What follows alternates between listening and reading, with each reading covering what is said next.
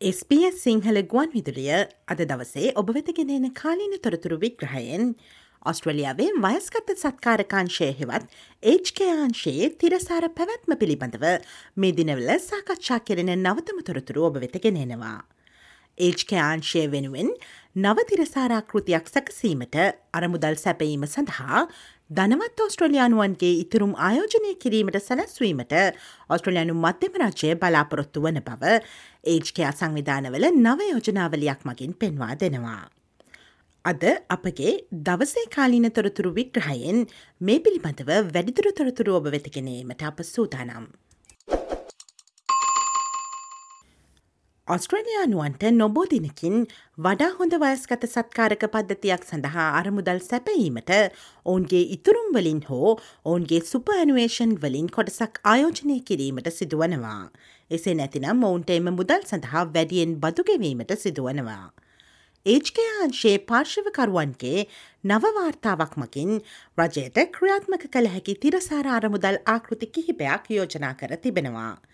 වයස්ගත සත්කාරකත්වය සපයන්නන් පාරිභෝගිකයන් විශේෂඥයින් සහ වෘත්තිය සමිති ඇතුළු ඒච්කයා සංවිධාන හතරිස් තුනක් සමඟ සාකච්ඡා කර ඉදිරිපත් කෙරෙන මෙම වාර්තාව මකින් ඒ සඳහා ජනතාවගේ සුපඇනුවේෂන් අරමුදලෙන් කොටසක් භාවිතා කිරීම හෝ ඒ වෙනුවෙන් මෙඩිකයාවල තිබෙනාකාරයේ බත්තක් ක්‍රියාත්මක කිරීම සුදුසුයයි යෝජනා කර තිබෙනවා. ඔස්ට්‍රලියාවේ ජනගහනයෙන් වැඩි ප්‍රමාණයක් වයස්ගත පුද්ගලයන් වන බැවින් එමාංශය සඳහා අරමුදල් සැපීමේ තිරසාරාකෘති පිළිබඳව දැනටමත් සොයා බලමින් සිටින ඒච්කයා කාර්ය සාධක බලකාය සහ ඒච්කයා අමාත්‍යවරිය වන අනිකා වෙල්ස් වෙත මෙම වාර්තාව භාරදී තිබෙනවා. ටොම් සයිමන්සන් යනු මෙම වාර්තාවට නායකත්වය දුන් කාරසාධක බලකායේ මෙන්ම වයස්ගත සහ ප්‍රජාසත්කාර සපයන්නන්ගේ සංගමයේ ප්‍රධාන විදායක නිලධාරයයි. ඔහු පවසන්නේ පවතින ක්‍රමය කාරක්ෂම නොවන පවයි. So our system is really struggling to keep up with demand. There's a number of reasons for that, not just funding. Workforce is a significant challenge, but the funding model we have was designed in the late 1990s for the aged care system we thought we needed then. Uh, we are now 27 years on when this new Act comes in next year, 2024, and we need to make sure that the funding system is set up for the next 30 years so that we've got a flourishing aged care sector, not just one that kind of struggles to be sustainable. Um, we've seen significant investment from government, but we're still in a difficult, difficult place.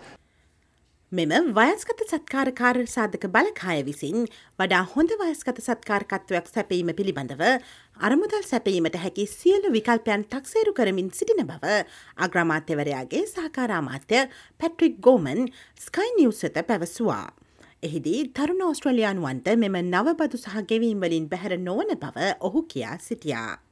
We want to make sure that when the Commonwealth is spending some $36 billion expected this year in the aged care system that we're both getting value for money for taxpayers, but also making sure that we've got the best possible aged care system. And so yeah. what we'll see is people putting forward a range of different ideas. Um, we're a democracy, and that's how these consultations work: is that people put forward ideas, but it's for the aged care task force to review all of these ideas that are circulating to make sure that we get the best possible outcome ඔස්ට්‍රලයානු මධ්‍යම රජයේ නියෝජ්‍ය විපක්ෂනායිකා සුසාන් ලේ විසින් තමන් මෙම වැඩිවන බදුවලට සහය නොදක් වන බව පවසමින් ඒච්කේ ආමාත්‍යවරිය විවේචනය කරනු ලැබවා. ඒජ්කයාත් සඳහා තිරසාර විසඳුම් ලබාදීම වෙනුවෙන් රජය සමඟ නිර්මාණශීලීව කටයුතු කිරීමට ඔවුන්ට අවශ්‍ය වන නමුත් මීට පිළිතුර නව බදු පැනවීමන් යැයි ඔවුන් නොසිතන බව ඇය කියා සිටියා. නවපතු එපා කියමින් මෙම රජය බලයට පත් වූ බවද සුසාන් ලේ විසින් සිහිපත් කරනු ලැබවා. ජනතාවගේ සුපඇනුවේෂන් අරමුදල්වලින් කොටසක් උරුමයක් ලෙස ඉතිරි නොකර ඔවුන්ගේම වැඩිහිටි රැකවරණය සඳහා දායකත්වය සැපීමට යොදවනාකාරයේ ක්‍රමයක් ස්ථාපිත කිරීම පිළිබඳව රජයේ අවධානය යොමු කරන ලෙසද මෙම වාර්තාව යෝජනා කර තිබෙනවා. සුපෑනුවේෂන් සඳහා වගකිව යුතු සහකාර බාණ්ඩාකාරික ස්ටීවන් ජෝන්ස් ABC මාධ්‍ය වෙත පැවසුවේ මේ සඳහා සංවාදයක් අවශ්‍ය වන බවයි. It's a conversation we've got to have. Um, the purpose of superannuation is to provide uh, for retirement income. And of course, you know, those last stages in a person's life has got to be taken into account in this. It, it strikes me um, as odd in a system which is about retirement income that a third of the cheques that have been written by superannuation uh, funds by value, so a third of the value of cheques that superannuation funds are writing at the moment are bequests. මෙම යෝජනාවලියේ ඇතැම් කොටස් පමණක් ක්‍රියාත්මක කළ හැකි බව Nationals පක්ෂයේ සැනත් සභික mat කැන්වන් sky නිවස් වෙත පැවසවා. බොහෝ ස්ට්‍රලයානුවන් සඳහා ඔවුන්ගේ සුපහනුවේෂන් අරමුදල් ප්‍රමාණවත් නොවිය හැකි නිසා මෙය එතරම් සුදුසු යෝජනාවක් නොවන බව ඔහු විසින් පෙන්වා දුන්නා. එමෙන්ම ඒජකයා සඳහා අරමුදල් සැපීමේදී සැබෑ අභිහෝගයකට අප මුහුණදී සිටින බවද ඔහු කියා සිටියා. නමුත් ග්‍රීන්ස් පක්ෂයේ ඒජ්කයාංශය සඳහා ප්‍රකාශිකා ජනට රයිස් පවසන්නේ වඩා හොඳ රාජ්‍ය පද්ධතියක් සඳහා අරමුදල් සැපීමට ජනතාව තම මුදල් අහිමි කර ගැනීමක් සිදු නොකළ යුතු බවයි. වයස්කත රැකවරණයේ ජීවත්වන පුද්ගලයින්ට අවශ්‍ය සහයෝගේ සපයන කාර්ය මණ්ඩලය අධික ලෙස වැඩ නොකරන බවට වගබලා ගැනීමෙන් වයස්කත පුද්ගලයින්ට ගෞරවනීය ජීවිතයක් ගත කිරීමට අවශ්‍ය මුදල් වියදම් කිරීමට අපට හැකියාවක් තිබෙන බවද ඇය පෙන්වා දුන්නා. We can afford to be spending the money that's needed so that people living in aged care can be living a dignified life with the support they need, the staff that aren't overworked. If we were spending the money that is needed, we could be doing that.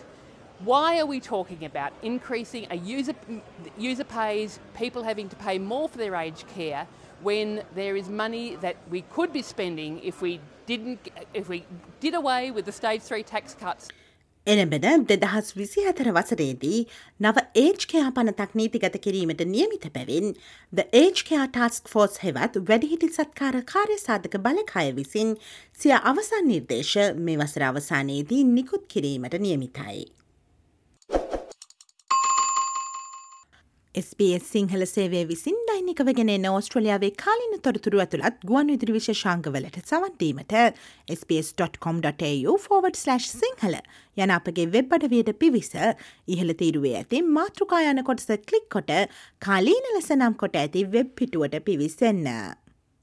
SBS SBS SBS SBS SBS SBS Radio